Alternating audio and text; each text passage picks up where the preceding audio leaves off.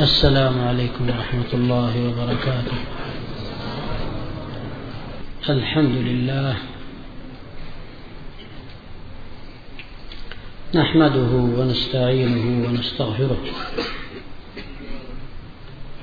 الحمد لله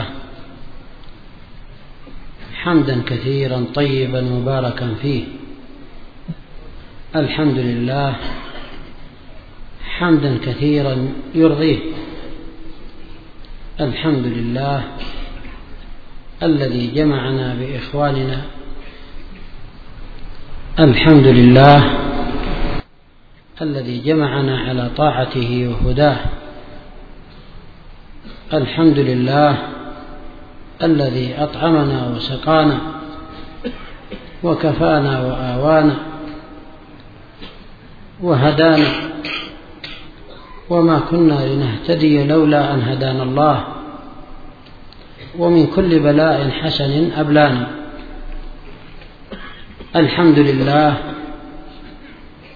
حمدا يوافي نعمه نعمه ويكافئ مزيده. فله الفضل وحده وله الحمد وحده وله الشكر كله. وما بكم من نعمة فمن الله. ثم إذا مسكم الضر فإليه تجأرون أيها الإخوة الأحبة السامعين إني والله لمسرور بلقاكم. وإني والله لا أعتبر ذلك مما نتقرب به إلى الله عز وجل. ونتوسل به عند الشدائد. مثل هذه المجالس الطيبة التي هي مجالس الذكر. مجالس تحفها الملائكة وتنزل عليها السكينة وتغشاها الرحمة ويذكر الله سبحانه وتعالى أهلها عنده. وحسبك من هذا الفضل أن الله يذكر أهلها عنده. كما دل عليه خبر رسول الله صلى الله عليه وسلم عند الإمام مسلم في صحيحه من حديث أبي هريرة رضي الله عنه. أن النبي صلى الله عليه وسلم قال من نفس عن مسلم كربة من كرب الدنيا نفس الله عنه كربة من كرب يوم القيامة. ومن ستر مسلما ستر الله في الدنيا ستره الله في الدنيا والآخرة. ومن يسر على معسر يسر الله عليه في الدنيا والآخرة. والله في عون العبد ما كان العبد في عون أخيه. ومن سلك طريقا يلتمس فيه علما سهل الله له به طريقا إلى الجنة. وما اجتمع قوم في بيت من بيوت الله يتلون كتاب الله ويتدارسونه بينهم إلا نزلت عليهم السكينة وغشيتهم الرحمة وحفتهم الملائكة وذكرهم الله في من عنده. ومن بطأ به عمله لم يسرع به نسبه كلمتي مع إخواني وأحبتي في هذه الليلة حول موضوع شدة الابتلاء لا يزيد المؤمن إلا ثباتا واهتداء هذه صفة المؤمن. أنه إذا ابتلي لا يزيده الابتلاء بعدا ولا تقهقرا ولا تضجرا وإنما يزيده اهتداء وصبرا وثباتا وانتظارا لفرج الله سبحانه وتعالى وثقة به. واعلموا وفقكم الله أن السعادة مذكورة في الأدلة في أمرين. الأمر الأول اجتناب الفتن. الأمر الثاني الصبر على الابتلاء. كما أخرج الإمام أبو داود في صحيحه فقال حدثنا إبراهيم بن الحسن المسيسي. قال حدثنا حجاج بن محمد وهو أيضا الصيصي قال حدثنا الليث وهو ابن سعد أبو الحارث الفهمي. قال حدثنا معاوية بن صالح. عن عبد الرحمن بن جبير عن أبيه عن المقداد بن الأسود رضي الله عنه. أن النبي صلى الله عليه وسلم قال إن السعيد لمن جنب الفتن. إن السعيد لمن جنب الفتن. إن السعيد لمن جنب الفتن. ولمن ابتلي فصبر. فواها. ومعنى هذا الحديث أنه اجتمع فيه سعادتان. سعادة اجتناب الفتن ولا شك أنها سعادة عظيمة. فإن الفتنة لا شك أنها تضيق الصدور وأنها تقلقل الأمور وأنها تبعث الشرور. ولهذا كان خير مال للمسلم غنم يتتبع به شعاف الجبال ومواطن القطر يفر بدينه من الفتن حتى ولو كان في شعفة جبل في حديث أبي سعيد المذكور ولهذا قال النبي صلى الله عليه وسلم ستكون فتن القاعد فيها خير من القائم والقائم فيها خير من الماشي والماشي فيها خير من الساعي. من استشرف لها فاستشرفه فمن وجد ملجأ أو معاذا فليعذ به. فليعذ به. أي يفر بدينه من الفتن. فهي سعادة أن يجنبك الله الفتن. أي فتنة كانت؟ سواء كانت ظاهرة أو باطنة. فتنة القلوب فتنة المال فتنة الأعداء أي فتنة. إذا جنبك الله الفتن هذه سعادة السعادة الثانية هي ما نحن في صدده وهي عن أنك إذا ابتليت صبرت ولمن ابتلي فصبر. ابتلي لأن هذه البلوى لا شك يا أيها المسلمون أنها لا يمكن أن ينفك منها محق ولا مرتد ولا صالح ولا غير صالح ولا كافر ولا مؤمن. ولكن الشأن أنك تبتلى في طاعة الله فتصبر على ذلك فيكون لك في ذلك السعادة. كما أخبر رسول الله صلى الله عليه وسلم. قلنا إن الابتلاءات في هذه الحياة الدنيا حاصلة لا محالة لأن الله عز وجل أقسم بعديد من مخلوقاته فقال بعد أن أقسم بذلك لقد خلقنا الإنسان في كبد. وهو لا يزال في مكابدة ولا يزال في ابتلاء في ليله ونهاره وسره وجهاره مع نفسه مع أهله مع ولده مع جاره مع سائر حياته إلى أن يلقى الله سبحانه وتعالى. قلنا إنه لا يمكن أن ينفك أحد من الابتلاء لقول الله سبحانه وجعلنا بعضكم لبعض فتنة. أتصبرون؟ وكان ربك بصيرا. أي يبلوكم؟ هل تصبرون؟ فبعض الناس فتنة لهم هكذا. جعل الله هذا الكون على هذا الحال. وكان ربك بصيرا.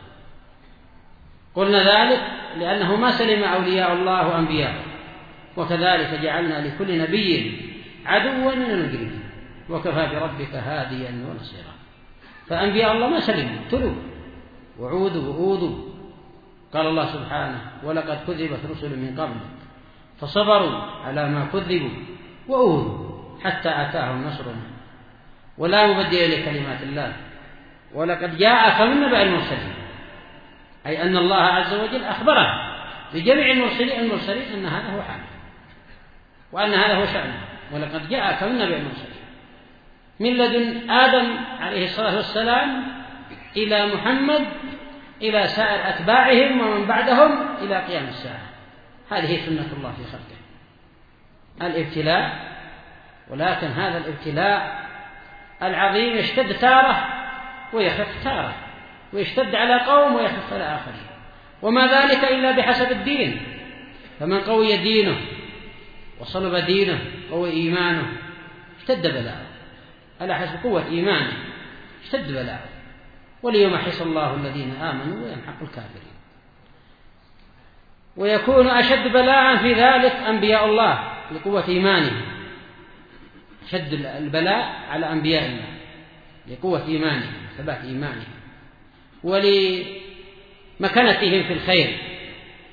كما ثبت في الحديث الصحيح عن سعد أن النبي صلى الله عليه وسلم قال يبتلى المرء, على قدر دينه. الأنبياء ثم الأمثل فالأمثل. فإن كان في دينه صلبا شدد عليه. شدد عليه لا لأن الله يكرهه ولكن لأن الله عز وجل يريد رفعته. ولأن الله عز وجل يريد به خيرا يريد به خيرا. من أراد من يريد الله به خيرا يصب منه. أخرجه البخاري في صحيحه عن أبي هريرة رضي الله عنه. وكل ما أراد الله بالعبد خيرا ابتلاه. يبتليه. ويزداد عليه البلاء لحبه له. لا لبغضه له. البلاء في طاعته. في طاعة الله سبحانه وتعالى ومرضاته. وإلا فالكفار أيضا يبتلون. قال الله سبحانه إن تكونوا تعلمون فإنهم يعلمون كما تعلمون وترجون من الله ما لا يعلمون. ولكن أنت أيها المؤمن أنت أيها المستقيم بلاؤك خير لك. كل ما اشتد عليك البلاء يزيدك الله به رفعة إن عظم الجزاء مع عظم البلاء. وإن الله إذا أحب قوما ابتلاه هذا حديث أنس رضي الله عنه. فمن رضي فله الرضا ومن سخط فله السخط. فتأمل هذا الحديث العظيم. أن الله عز وجل إذا أحب عباده أحب عبدا ابتلاه. وأحب العباد إلى الله عز وجل أنبياء الله ورسوله فلهذا كانوا أشد الناس بلاء سواء كان من حيث عداء المشركين لهم أو من حيث تكذيبهم أو من حيث المكر بهم كما قال الله سبحانه وإذ يمكر بك الذين كفروا ليثبتوا ليثبتوك أو يقتلوك أو يخرجوك. ويمكرون ويمكر الله والله خير الماكرين. قال الله سبحانه وتعالى وكان في المدينة تسعة رهط يفسدون في الأرض ولا يصلحون. قالوا تقاسموا بالله لنبيتنه ثم لنقولن لوليه ما شهدنا مهلك أهله وإنا لصادقون ومكروا مكرا. ومكرنا مكرا وهم لا يشعرون. فانظر كيف كان عاقبة مكرهم. أنا دمرناهم وقومهم أجمعين. فتلك بيوتهم خاوية ما ظلموا. إن في ذلك لآية لقوم يعلمون. وهكذا تتوالى يتوالى المكر بأنبياء الله ورسله والابتلاء بهم على قدر إيمانهم. هذه هذه ميزة. ابتلاء مع الصبر والثبات والاهتداء ميزة. هو هدي الأنبياء وسلوكهم هو الذي اختاره الله عز وجل لأنبيائه ورسله. ولا شك أن الإنسان مبتلى من حيث هو. لكن كما سمعت أنه يتفاوت. وإلا فإن الله عز وجل جعل ذكر الموت وذكر الحياة وأبان على أن ذلك للابتلاء تبارك الذي بيده الملك وهو على كل شيء قدير الذي خلق الموت والحياة ليبلوكم فما خلق الله الموت؟ يموت هذا يخلق هذا يمرض هذا ويشفى هذا يعيش هذا وكذلك يعني ماذا يسقم هذا يغنى هذا ويفقر هذا. كل هذا ما خلق الله ذلك إلا الابتلاء. ابتلاء الحياة. ليبلوكم. أيكم أحسن عملا.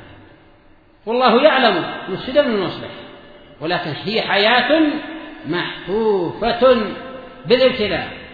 محفوفة بهذا. حياة خلق الله الخلق من أجل هذا الابتلاء. من أجل هذا الابتلاء يعلم الله عز وجل المفسد من المصلح ولله في ذلك حكمة. ولا تحسب أيها المؤمن لا تحسب أيها المؤمن أنك تسلم من هذا الابتلاء على قدر ما عندك لأن الله يقول ألف لام ميم.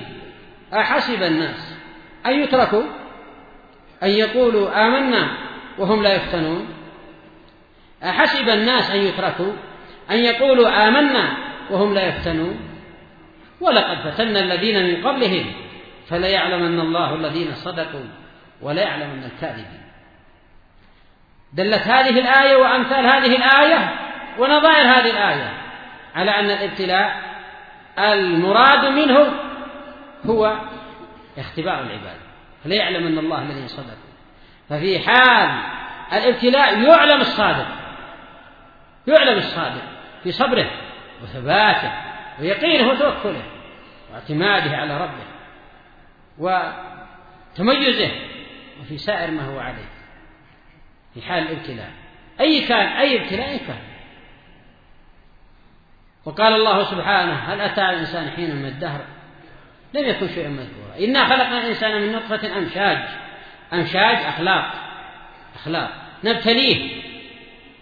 خلق الله الإنسان من نطفة أمشاج أي مختلطة من الذكر والأنثى والحكمة في ذلك نبتليه خلقه الله ليبتليه فجعلناه سميعا بصيرا. إن هديناه السبيل إما شاكرا وإما كفورا. هكذا خلق الله العباد ليبتليه. أيهم أحسن عملا؟ هذا الابتلاء قال الله سبحانه مبينا ليعلم الصابر من غير الصابر. الثابت من غير الثابت وقد علم الله ذلك. ولكن هو تمحيص للعباد لحكمة أرادها الله. أرادها الله. ولنبلونكم حتى نعلم المجاهدين منكم والصابرين ونبلو أخباركم. جاهدين اللي جاهد نفسه على طاعة الله. وصبر نفسه على مرضاة الله. ويبلو الأخبار. ويبتليها حتى يصفو الإنسان. ويذهب عنه خبث. وساوس الشيطان ويمحصه.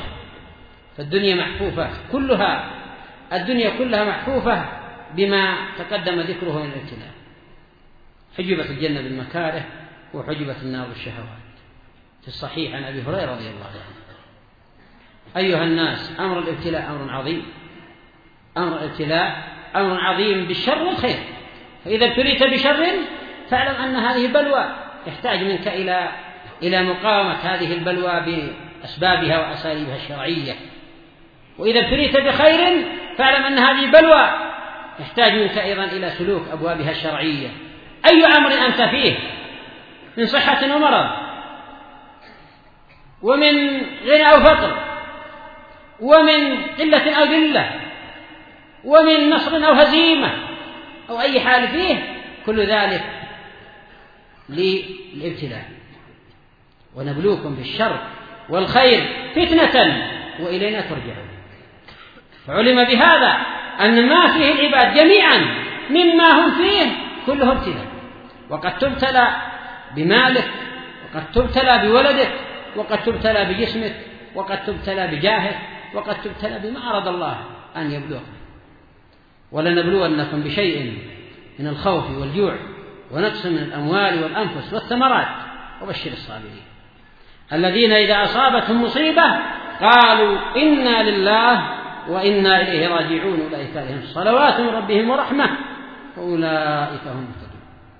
فانظر كيف قال الله عز وجل شيء من الخوف خوف بلوى والجوع الجوع بلوى ونقص من الأموال الفقر بلوى والأنفس أيضا موت الأقارب والثمرات هذا الفقر والجذب وبشر الصابرين كل هذا ابتلاء وعد الله سبحانه وتعالى من صبر عليه بالرحمة والبركة. الذين إذا أصابتهم قالوا إنا لله وإنا إليه راجعون. أولئك عليهم صلوات من ربهم أي ثناء في الملأ الأعلى ورحمة. يرحمهم الله سبحانه. ويدفع عنهم شدة البلاء ويدفع عنهم الأضرار. وبشر الصابرين. بشرى من الله سبحانه وتعالى. هذه بركة. أنك إذا ابتليت قابلت هذا الابتلاء بهذه ال... بهذه الأوصاف الحميدة. أولا بالاسترجاع. إنا لله وإنا إليه راجعون. ثانيا ينالك تنالك رحمة الله. تنزل عليك رحمة الله. ثالثا أن الله يصلي عليك ويذكرك. فأنت في فلاح. ما دمت تقابل الابتلاء بالصبر والثبات والاهتداء. هذا شأن المؤمنين. أنبياء الله ابتلوا. وما وما جرهم ذلك الابتلاء إلى أي شيء يغضب رب العالمين وحاشاه. ولكن كل ما ابتلوا صبروا. وإذ ابتلى إبراهيم ربه بكلمات فأتمهن. قال إني جاعلك للناس إماما. قال ومن ذريتي. قال لا ينال عهد الظالمين. وشاهدنا أنه إذا ابتلي الإنسان ببلاء من الله عز وجل فأتم ما وعد الله أو أقام بشرع الله أو صبر على أقدار الله فإن الله فإن هذا تأهيل للإمامة. ونظير هذه الآية وجعلنا منهم أئمة يهدون بأمرنا لما صبروا وكانوا بآياتنا يوقنون. وما يكون الصبر إلا على تحمل وعلى ابتلاء يحصل للعبد فإذا حصل الإنسان صبر تحمل وابتلاء وهو مع ذلك يقابله بالثبات على الحق والبعد عن عن عن, الغي والبعد عن الهوى. وما زال مع الله ولله وبالله ومستعينا به سبحانه وتعالى فإن هذا خير له كثير. خير له كثير كما دل عليه ما تقدم بيانه هذا أمر الابتلاء هذا أمر الابتلاء. الذي تعلمونه يقول الله سبحانه وتعالى في كتابه كل نفس ذائقة الموت. وإنما توفون أجوركم يوم القيامة. فمن زحزح عن النار وأدخل الجنة فقد فاز. وما الحياة الدنيا إلا متاع الغرور. لا تبلون في أموالكم وأنفسكم ولا تسمعن من الذين أوتوا الكتاب من قبلكم ومن الذين أشركوا. أذى كثيرا. أذى كثيرا. وإن تصبروا وتتقوا فإن ذلك من عزم فالابتلاء حاصل. تمحيص للعباد. تمحيص للعباد في هذه الدنيا. لكن يا أخي ما المخرج إذا حصل ابتلاء؟ هناك من إذا ابتلي؟ انحرف. انحرف. سبب له ذلك الابتلاء ضيق صدر سبب له ذلك الابتلاء يعني عدم رضا بالله سبحانه وتعالى سبب له ذلك الابتلاء شدة في نفس شدة في نفسه وانحرف. وقد ذم الله هذا الصنف. قال ومن الناس من يعبد الله على حرف أي على جانب من الدين فإن أصابه خير اطمأن به وإن أصابته فتنة انقلب على وجهه خسر الدنيا والآخرة. ذلك هو الخسران المبين. فمن كان هذا حاله أنه إذا أصابه ابتلاء انحرف هذا خاسر. ما ما ما أراد الله عز وجل من العباد ذلك. وأبان الله سبحانه وتعالى أن من كان على هذا الحال أنه ينقض غزله ينقض غزله أنكاثا وحذر من ذلك ونهى عن ذلك. قال ولا تكونوا كالتي نقضت غزلها من بعد قوة أنكاثا تتخذون أيمانكم دخلا بينكم أن تكون أمة هي أربى من أمة. إنما يبلوكم الله به. وليبينن لكم القيامة ما كنتم فيه تختلفون. هذه بلوى. فإذا حصل البلوى احذر أن تنقض دينك. احذر أن ترجع إلى الخلف.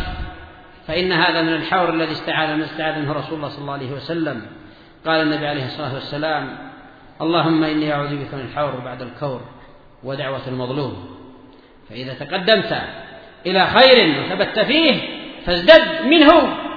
وإياك والحور بعد الكور بسبب الابتلاءات الكثيرة والفتن الجارفة فتن الجارفة. هذا لا يليق بمن وقر الإيمان في قلبه. إن أمر الابتلاء أمر يقول الله عز وجل فأما الإنسان إذا ما ابتلاه ربه فأكرمه ونعمه فيقول ربي أكرمني. هذا نظير الآية الأولى.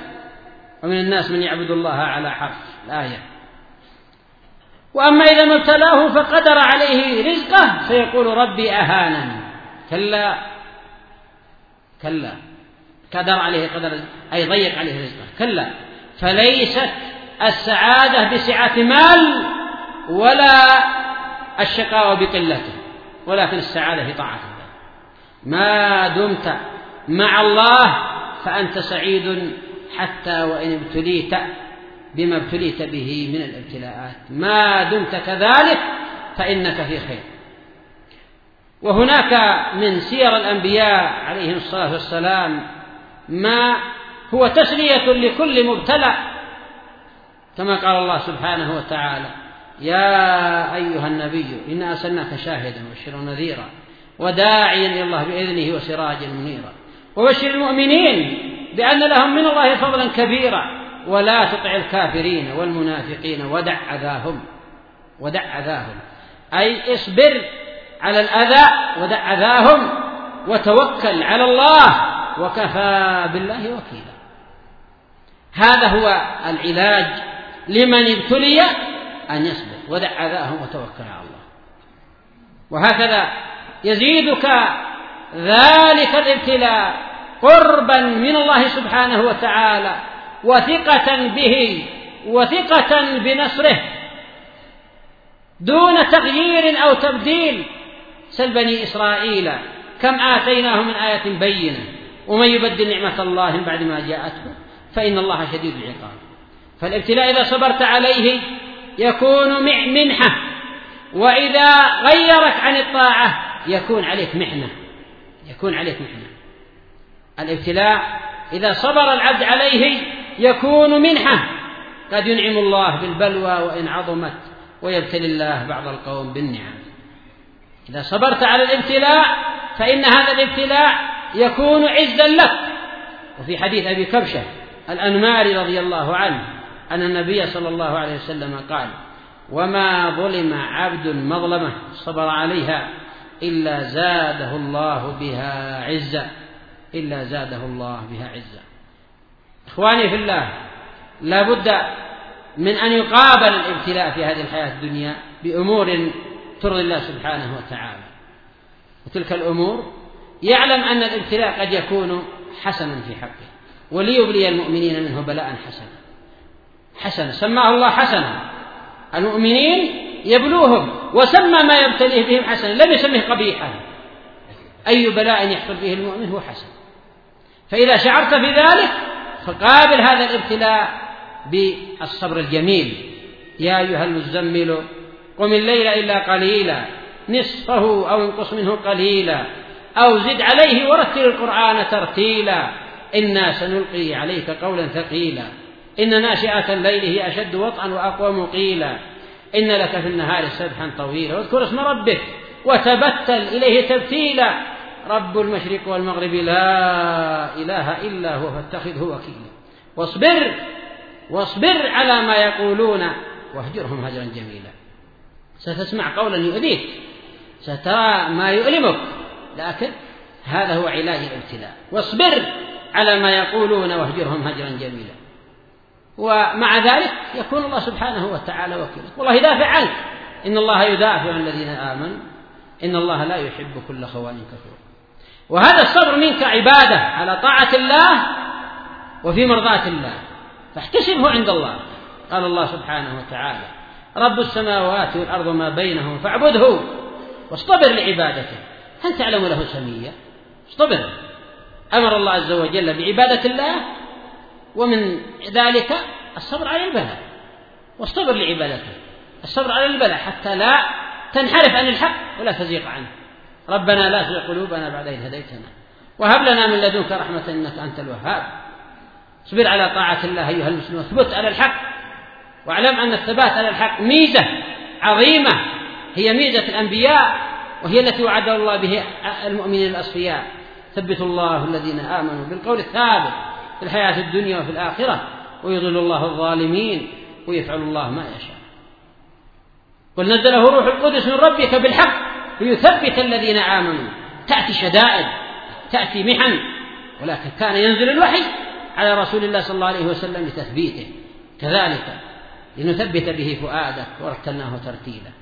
فمن أسباب الثبات على الحق والبعد عن الباطل والبقاء على طاعة الله مع شدة الابتلاءات هو الرجوع إلى دين الله الحق وكتابه وسنة رسوله صلى الله عليه وسلم. قال الله ولقد نعلم أنك يضيق صدرك ما يقولون. فسبح بحمد ربك وكن من الساجدين واعبد ربك حتى يأتيك اليقين. هذا علاج عظيم وهذا وصف مبارك أنك تقابل الابتلاء بطاعة الله سبحانه والإقبال على طاعة الانشغال بذكره. من حسن الإسلام ما تركه ما لا يعنيه. فإذا أقبل العبد على ما يعنيه وأعرض عن ما لا يعنيه أقبل على العلم أقبل على السنة أقبل على الجلساء الصالحين أقبل على الخير أقبل العبادة هذا يوفر عليه كثيرا وهذا أيضا يجنبه كثير من الابتلاءات. وإذا ابتلي في مثل هذا الجانب يبتلى في طاعة الله ويكون في ذلك في مرضاته. ومن هنا ومن هنا قال الله سبحانه وتعالى واصبر نفسك مع الذين يدعون ربهم بالغداة والعشي يريدون وجهه ولا تعد عيناك عنهم تريد زينة الحياة الدنيا. ولا تطع من أغفلنا قلبه عن ذكرنا واتبع هواه وكان أمره فرطا. فإن المخالجات وهكذا المنازعات والشدائد تجعل الإنسان ربما مال إلى من لا إلى من لا قد لا يرضى الله سبحانه وتعالى فعله أو بعض فعله. فنهى الله عن ذلك وحث على الصبر على الصبر مع من كان على طاعة الله سبحانه. واصبر نفسك مع الذين يدعون ربهم بالغداة والعشي يريدون وجهه. ولا تعد عيناك عنهم أي لا تتجاوز لا تتجاوز عيناك بحيث تمد عينيك إلى غير هذا الصنف الصالح. تريد زينة الحياة الدنيا ولا تطع من أغفلنا قلبه عن ذكرنا. واتبع هواه وكان أمره فرطا يا أيها الناس إن المؤمن لا يزال في خير. على أي حال كان ما دام مع طاعة الله وما دام مع حسن رضوانه لما ثبت في صحيح مسلم عن صهيب رضي الله عنه أن النبي صلى الله عليه وسلم قال عجبا لأمر المؤمن إن أمره كله له خير. إن أصابته سراء شكر فكان خيرا له.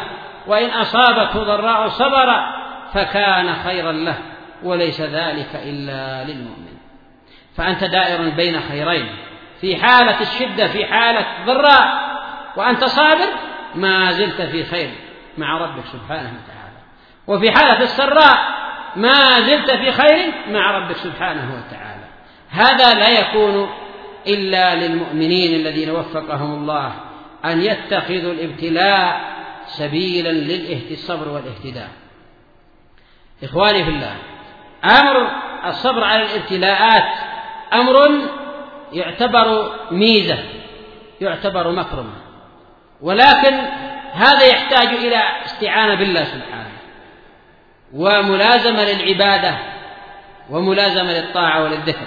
قال الله سبحانه واستعينوا بالصبر والصلاة وإنها لكبيرة إلا على الخاشعين. استعين. الصبر والصلاة الصبر ما هو السهل والصبر مثل اسمه مر مذاقته لكن عواقبه أحلى من العسل. لا شك أن الصبر مر. الصبر مر إلا أنك تحتاج تستعين بالله سبحانه وتعالى. على هذا الصبر وهكذا بطاعته على طاعته. قال الله عز وجل وإن عاقبتم فعاقبوا بمثل ما عوقبتم به. ولئن صبرتم لهو خير للصابرين. واصبر. وما صبرك إلا بالله. أي وما صبرك إلا بعون الله وتوفيق الله ومن أجل الله. فإذا أعانك الله على الصبر فأنت المعان. وسيصبرك الله. وإذا لم تعن على الصبر ما تستطيع. فلهذا استعن بطاعة الله على طاعة الله. استعن بذكر الله على الصبر على الابتلاءات حتى يعينك الله. وفي الصحيح أن النبي صلى الله عليه وسلم حين سألوه قال ما يكون عندي من شيء فلا أدخر عنكم ومن يستغني يغنيه الله ومن يستعفف يعفه الله ومن يتصبر يصبره الله صبره الله وهذا هو الشاهد من الحديث أنك إذا صبرت على البلاء زادك الله صبرا وأفرغ عليك صبرا ربنا أفرغ علينا صبرا وثبت أقدامنا وانصرنا على القوم الكافرين. حتى في مواجهة عدوك الشيطاني أو عدوك الإنساني تحتاج إلى صبر عظيم على ذلك الابتلاء حتى يجنبك الله ويوفقك الاهتداء. قال الله سبحانه يا أيها الذين آمنوا إذا لقيتم فئة فاثبتوا واذكروا الله كثيرا لعلكم تفلحون. وأطيعوا الله ورسوله ولا تنازعوا فتفشلوا وتذهب ريحكم واصبروا إن الله مع الصابرين. إن الله مع الصابرين. ولا تكونوا كالذين خرجوا من ديارهم بطرا ورئاء الناس يصدون عن سبيل الله. اللهم يعمل محيط فالله مع الصابرين. موعود الصابر على الابتلاء أن الله معه وأن الله لن يكره عمله. وإذا كان الله معك إذا كان الله معك فلا يضرك شيء. وإذا أحبك الله فلا يضرك من عاداك. وإذا نصرك الله فلا يضرك من خذلك. ينصركم الله. فلا غالب لكم. وإن يخذلكم فمن ذا الذي ينصركم من بعده؟ وإذا أعزك الله فمن ذا الذي يذلك؟ العزة لله ولرسوله والمؤمنين. من كان يريد العزة فإن العزة لله جميعا. وإذا مدك الله فمن ذا الذي يقلل مدده؟ قل اللهم مالك الملك تؤتي الملك من تشاء وتعز من تشاء وتنزع الملك من تشاء وتعز من تشاء وتذل من تشاء. بيدك الخير إنك على كل شيء قدير. تولج الليل في النهار وتولج النهار في الليل وتخرج الحي من الميت وتخرج الميت من الحي وترزق من تشاء بغير حساب. واعلم أيها العبد أن هذا أن الصبر على الابتلاء إذا وفقك الله سبحانه وتعالى له مع صبر جميل احتسبه لربه واجعله لله سبحانه. يزداد مثوبته ويزداد أجره ويدفع الله سبحانه ضره. قال الله سبحانه يا أيها المدثر قم فأنذر وربك فكبر وثيابك فطهر والرجل فاهجر ولا تمنن تستكثر ولربك فاصبر. فكن صبرك لله وبالله ومن أجل الله صبرك لله لربك فاصبر. احتسب هذا احتسب هذا وادخره عند الله سبحانه وتعالى. لا لا تظن أن من قام بمثل هذه المجالس وطلب العلم تفقه في دين الله وأراد أن يعبد الله كما أراد الله أحد أنه سيترك بغير أذى وبغير ابتلاء. ولكن إذا صبر كان ذلك خيرا له. كما قال الله سبحانه والعصر إن الإنسان لفي خسر إلا الذين آمنوا وعملوا الصالحات. تواصوا بالحق وتواصوا بالصبر. يوصي بالحق ومع ذلك الحق لا بد أن يكون لهذا الحق من يعاديه. فيحتاج الإنسان إلى صبر على ذلك البلوى فيه سبحانه وتعالى. نعم. ولقمان الحكيم عليه السلام حين أوصى ولده بتلك الوصية العظيمة قال يا بني أقم الصلاة وأمر بالمعروف وانهى عن المنكر واصبر على ما أصابك إن ذلك من عزم الأمور. فمن عزم الأمور من عزم الأمور هو الصبر عند الشدائد. يا بني أقم الصلاة وأمر بالمعروف وانهى عن المنكر. طيب هذه الأمور التي يقوم بها هل معناه على أنه سيسلم من شياطين الإنس والجن؟ أبدا. لا شك أنها تنتابه مؤذيات ومقلقات وأنها ستنتابه عداوات. ما جاء أحد بمثل ما جئت به إلا عودي. هكذا قال النبي قال ورقى للنبي صلى الله عليه وسلم. فإذا يقابل ذلك بهذه الوصية العظيمة. إن ذلك من عزم الأمور. الصبر قوة. الصبر قوة وعزم. عزم. يجعل الإنسان يقوى عزمه. ليس الشديد بالسرعة إنما الشديد الذي يملك نفسه عند الغضب. أخرجه البخاري من حديث أبي هريرة رضي الله عنه عن النبي صلى الله عليه وسلم. الصبر نور الصبر نور واهتداء كما روى الإمام مسلم في صحيحه من حديث حارث بن عاصم حارث الأشعري رضي الله عنه.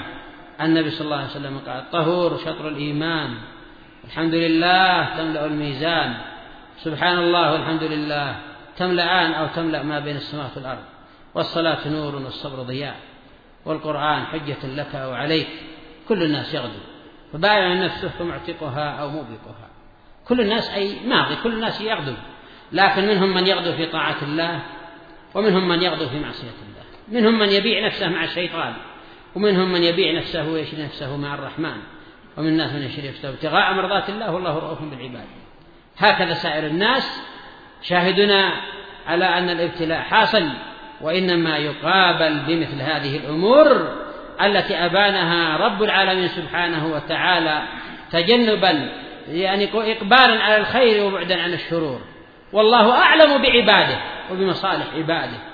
وأعلم بما ينفعهم وبما يضرهم وأعلم بأنها ويعلم سبحانه وتعالى أن هذه الحياة حياة لا تدوم حياة زائلة.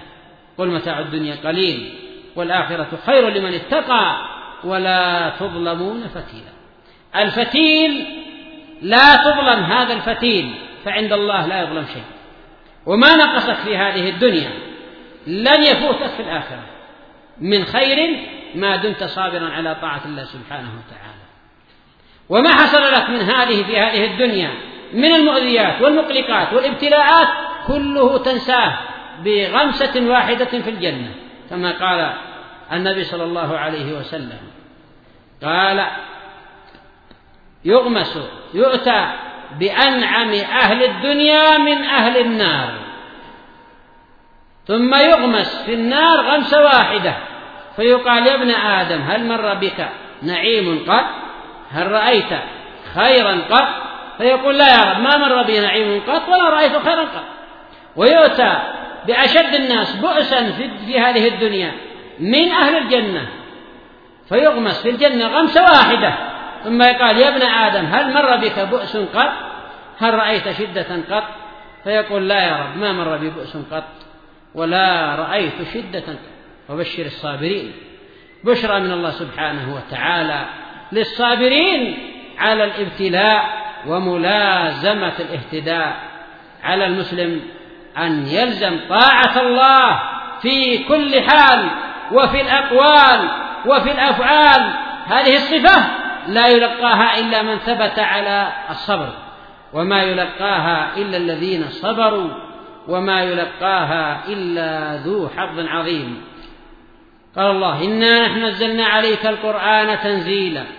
فاصبر لحكم ربك ولا تطع منهم آثما أو كفورا. اصبر على طاعة الله. وإذا نازعك آثم من الأثمة لإبعادك عن الطاعة لا تطعه.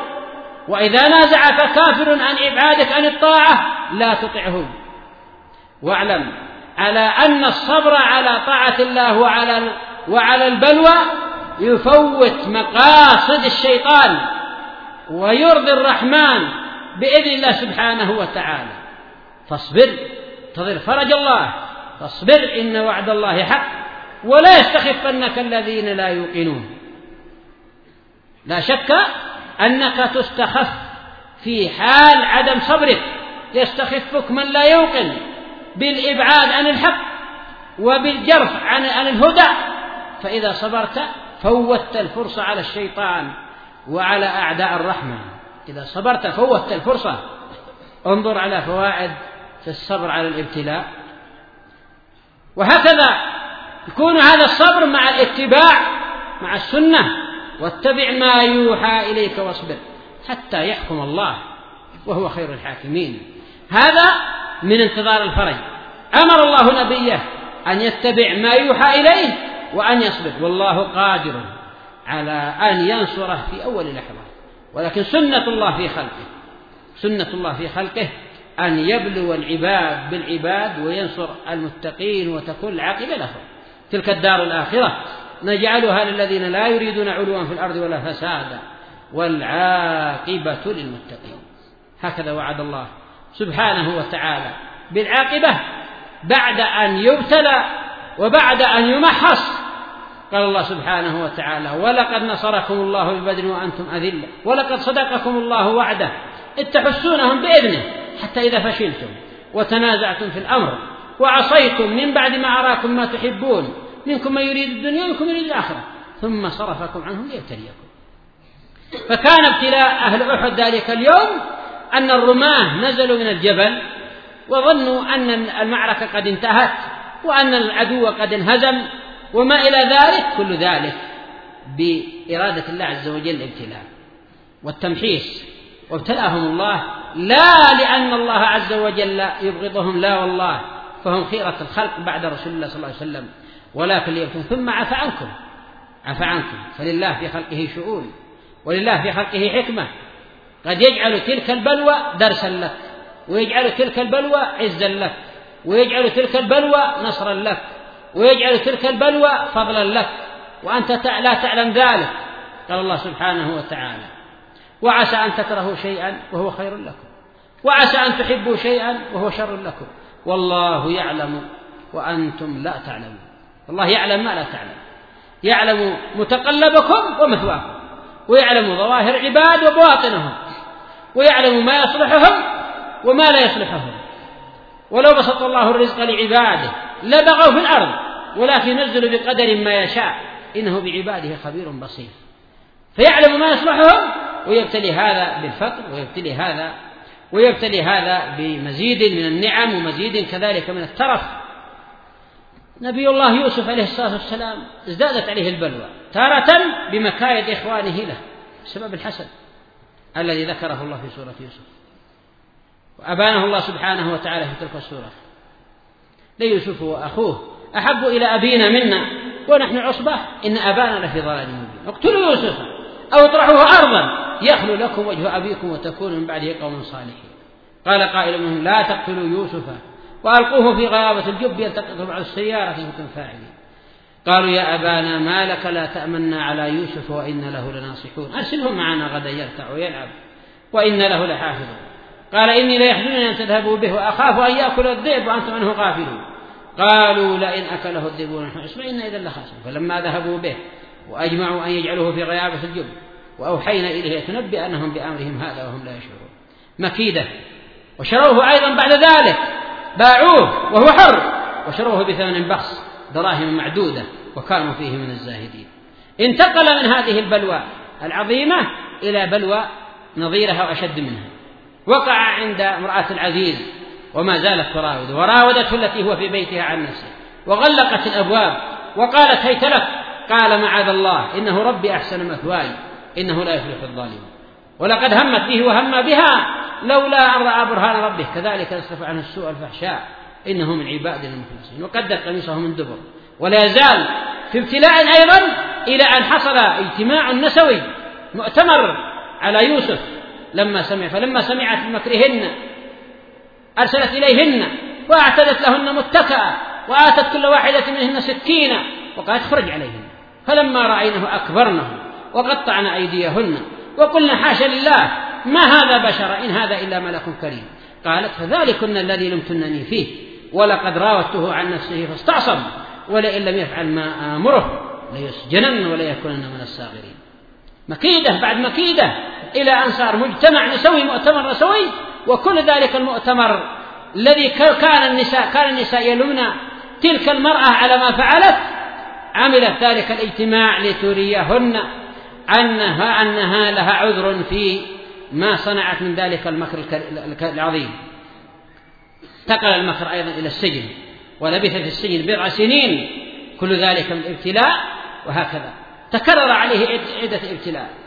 وما وبعد هذا كله أراد الله أبان الله سبحانه وتعالى أن هذا كان لرفعه لرفعه ولرفع منزلته. نرفع درجات من نشاء وفوق كل ذي علم عليم. كل هذا كان هذا الابتلاء بعد هذا كله نرفع درجات من نشاء ورفعه سبحانه وتعالى. وهكذا نبي الله محمد صلى الله عليه وسلم حين بعثه جاء من حديث مالك بن نضلة رضي الله عنه أن النبي صلى الله عليه وسلم جاءه مالك أو غيره قال يا رسول الله إلى ما تدعو أما تنهى؟ قال ليس إلا الله والرحمة أتتني رسالة من ربي فضقت بها ذرعا فقيل إما أن تفعل أو يفعل بك. إما أن تقوم بهذا أو يفعل بك أي أن الله سبحانه أمره وكلفه بذلك الأمر ضقت بها ذرعا. وهكذا نبي الله عليه الصلاة والسلام ثبت من حديث النواس بن سمعان أن النبي صلى الله عليه وسلم عبد الله بن عمرو العاص سئل عن وصف رسول الله صلى الله عليه وسلم. قال والله إنه لموصوف في التوراة كصفته في القرآن. يا أيها النبي إن أرسلناك شاهدا وبشرا ونذيرا وحرزا للأميين. أنت عبدي ورسولي سميتك المتوكل. لست بفض ولا غليظ ولا تجزئ بالسيئات السيئة ولكن تعفو وتصفح. ولن أقبضك. حتى أقيم بك الملة العوجاء فأفتح بك أعينا عميا وآذانا صما وقلوبا غلفا. وفي الحديث إني يا محمد حديث عياض بن حمار رضي الله عنه يا محمد إني مبتليك ومبتل بك ومبتل بك. هذه هي شأن الأنبياء والمرسلين في حالة الابتلاء أنهم يقابلون ذلك بالصبر واليقين والاهتداء والدين. والثبات على دين رب العالمين والاستقامة وعدم البعد عن الهدى. فيا معشر المسلمين هذه ليست ب هذه ليست بجديد. العدوان والبغي والظلم ليس بجديد بل هو قديم تليد قديم من لدن أنبياء الله ورسوله ومنذ قامت السماوات والأرض واتل عليهم نبأ ابني آدم بالحق إذ قربا قربانا فتقبل من أحدهما. ولم يتقبل من الآخر. قال لأقتلنك قال إنما يتقبل الله من المتقين. لئن بسطت إلي يدك لتقتلني. ما أنا بباسط يدي إليك لأقتلك إني أخاف الله رب العالمين. إني أريد أن تبوء بإثمي وإثمك فتكون أصحاب النار وذلك جزاء الظالمين. فطوعت له نفسه قتل أخيه فقتله. فأصبح من الخاسرين. من الخاسرين. نعم الشاهد من هذا أنه قابل ذلك البغي. وذلك العدوان وذلك الحسد الذي عليه بالصبر. ورحم الله ذلك المقتول وكان ذلك القاتل ما من نفس تقتل ظلما إلا كان على ابن آدم أول كفل من دمها لأنه أول من سن القتل. ما من نفس تقتل ظلما إلا كان له عليه كفل من دمها. إنما ذلك قابله بالصبر واليقين. نعم لئن بسطت إلي يدك لتقتلني ما أنا بباسط يدي إليك لأقتلك. إني أخاف الله رب العالمين. إني أريد أن تبوء بإثمي وإثمك فتكون أصحاب النار وذلك جزاء الظالمين.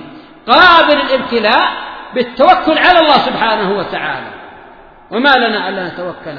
أنبياء الله ابتلوا فقالوا وما لنا ألا نتوكل على الله. وقد هدانا سبلنا ولنصبرن على ما آذيتمونا. وعلى الله فليتوكل المتوكلون. قابل الابتلاء الذي يحصل لك قابل الابتلاء الذي يحصل لك بالثقة بأن الله سبحانه وتعالى لن يضيع دينه وسنة الله الجارية التي قد خلت في في من قبل من الأمم أن الله يحفظ دينه بدينه ويهيئ لهذا الدين رجالا ويهيئ له أنصارا ولينصرن الله من ينصره. إن الله لقوي عزيز. ذلك بأن الله لم يكن مغيرا نعمة أنعمها على قوم. أنعمها على قوم. وإن هذه الدعوة السلفية النعمة العظيمة عليها هي أن ينتشر كتاب الله وسنة رسول الله صلى الله عليه وسلم ويحق الحق ويبطل الباطل كما قال الله سبحانه بوعده الحق ليحق الحق ويبطل الباطل ولو كره المشركون. فالمشركون والمجرمون كراه لإحقاق الحق ولكن يأبى الله إلا أن يتم نوره. وهذا وعد الله. قابل هذا الابتلاء بالثقة بوعد الله بأن الله يمكن لدينه. وعد الله الذين آمنوا منكم. وعملوا الصالحات. وعملوا الصالحات ليستخلفنهم في الأرض. كما استخلف الذين من قبلهم. ولا يمكنن لهم دينهم الذي ارتضى لهم. ولا يبدلنهم من بعد خوفهم. أمنا يعبدونني لا يشركون به شيئا. قابل هذا الابتلاء بالإعتماد على الله وتقواه. ومن يتق الله يجعل له مخرجا ويرزقه من حيث لا يحتسب. ومن يتوكل على الله فهو حسبه. إن الله بالغ أمره. قد جعل الله لكل شيء قدرا. جعل الله للذر قدرا والثعابين قدرا والحشرات قدرا والكفار قدرا والمسلمين قدرا والرجال قدرا والنساء قدرا. وأنزل الله كل إنسان منزلته وكل دابة منزلتها. ما من دابة إلا هو آخذ بناصيتها. إن ربي على صراط مستقيم. فليس هناك دابة ولا حركة ولا سكنة إلا ولله سبحانه وتعالى فيها إلا ولا سبحانه وتعالى في ذلك قدرة على أن يسيرها أو لا يسيرها هو الذي يسيركم في البر والبحر كما قال سبحانه وتعالى. قابل هذا الابتلاء بأنك بأنك تزداد من نعمة الله تزداد من نعمة الله سبحانه وتعالى بطاعته. العبادة في الهرج كهجرة إلي وهكذا. تذكر أنك إذا ابتليت أن الله قد دفع عنك أكثر. كما قال التنوخي رحمه الله في كتابه الفرج بعد الشدة إذا ابتليت فتذكر أن الله قد دفع عنك من الشر أكثر. وأن الله قد ابتلى من هو خيرا منك وذنون. إذ ذهب مغاضبا فظن أن لن نقدر عليه أي أن لن نضيق عليه. فنادى في الظلمات أن لا إله إلا أنت. سبحانك إني كنت من الظالمين. استجبنا له ونجيناه من الغم. وكذلك ننجي المؤمنين. هذا من ثقة الله العبد بالله أنه يقابل ابتلاء أن الله سينجيه. قال الله سبحانه وتعالى وكذلك ننجي المؤمنين. وهكذا أيضا بالثقة بنصر, بنصر الله سبحانه. قال الله سبحانه وتعالى ولا ينصرن الله من ينصره إن الله لقوي عزيز. قابل الابتلاء قابل الابتلاء بمزيد من ذكر الله سبحانه حتى يذكرك الله عنده. فاذكروني أذكركم واشكروا لي ولا تكفرون فمن ذكره الله سبحانه وتعالى عنده وإن نسيه الناس وإن كرهه الناس لا يضره ذلك من لا يضره ذلك عند رب العالمين. من تقرب إلي شبرا تقربت إليه ذراعا ومن تقرب إلي ذراعا تقربت إليه باعا ومن أتاني يمشي أتيته هرولة. هكذا يقول الله سبحانه وتعالى في الحديث الحديث القدسي. تقرب إلى الله سبحانه وتعالى. قابل هذا الابتلاء بكثرة قراءة القرآن. كثرة قراءة القرآن. أفمن شرح الله صدره للإسلام فهو على نور من ربه. فويل للقاسية قلوبهم من ذكر الله. أولئك في ضلال مبين. فإذا شرح الله صدرك لدين الله سبحانه تلاشت الابتلاءات وزالت المهلكات وزالت المنغصات بإذن الله سبحانه. على أي حال كنت؟ ما دمت مع طاعة الله ومع كتابه وسنة رسوله صلى الله عليه وعلى آله وسلم. قابله بمزيد من من الخشوع ومزيد من الخوف من الله سبحانه وتعالى. ولمن خاف مقام ربه جنتان فبأي آلاء ربكما تكذبان؟ قال الله فأما من خاف مقام ربه ونهى النفس عن الهوى فإن الجنة هي المأوى. هكذا كل ما حصلت الابتلاءات قابلها بهذه العلاجات وبهذه الأوصاف والطاعات وبهذه بهذا الصبر وبهذا الهدى والتقى لا يزيدك الابتلاء ثورة. ولا فتنة ولا شدة ولا بغي ولا عدوان. واعلم أن النصر مع الصبر وأن الفرج مع الكرب وأن مع العسر يسرا. هكذا يقول النبي صلى الله عليه وسلم. قابل هذا الابتلاء بحفظ حدود الله. احفظ الله يحفظك.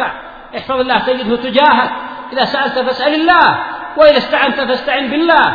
واعلم أن الأمة إذا اجتمعوا لم يضروا على أن يضروك بشيء لم يضروك إلا بشيء قد كتبه الله عليك. وإن اجتمعوا على أن ينفعوك لم ينفعوك إلا بشيء قد كتبه الله لك رفعت الأقلام وجفت الصحف. هذا ما ينبغي أن يسير عليه المسلم في حال الابتلاء أن يقابل ذلك كله بالصبر والاهتداء. نبي الله إبراهيم عليه الصلاة والسلام أرادوا إحراقه بالنار فقابل ذلك الابتلاء بالتوكل على الله سبحانه وتعالى وبالهجرة. نعم دعاهم إلى توحيد الله سبحانه. وكانوا عباد أوثان وكانوا عباد أصنام كانوا على ما تعلمونه مما ذكره الله. حتى قال لهم أف لكم ولما تعبدون من دون الله أفلا تعقلون؟ قالوا حرقوه وانصروا آلهتكم كنتم فاعلين. قلنا يا نار كوني بردا وسلاما على إبراهيم. وأرادوا به كيدا فجعلناهم الأخسرين. وفي سورة الصافات فجعلناهم الأسفلين. ونجاه الله سبحانه وتعالى. موسى عليه الصلاة والسلام قابل ذلك الابتلاء بأنه, يهت... بأنه فار من ذلك البلد إلى الله سبحانه وتعالى ونجا من فرعون وبعد ذلك أغرق الله فرعون ومن معه ورجع فاتحا رجع فاتحا بعد أن ذهب إلى مدين ورعى الغنم ثمانية سنين إلى أن تأجرنا ثمان حجج وهكذا تزوج في ذلك البلد ورجع إلى مصر بعد ذلك. كما كما ذكر الله في عديد من سور من سور القرآن. هكذا سائر أنبياء الله ورسوله فينبغي للمسلمين أن تكون سير دعوتهم على سير أنبيائهم. لقد كان لكم في رسول الله أسوة حسنة لمن كان يرجو الله واليوم الآخر وذكر الله كثيرا.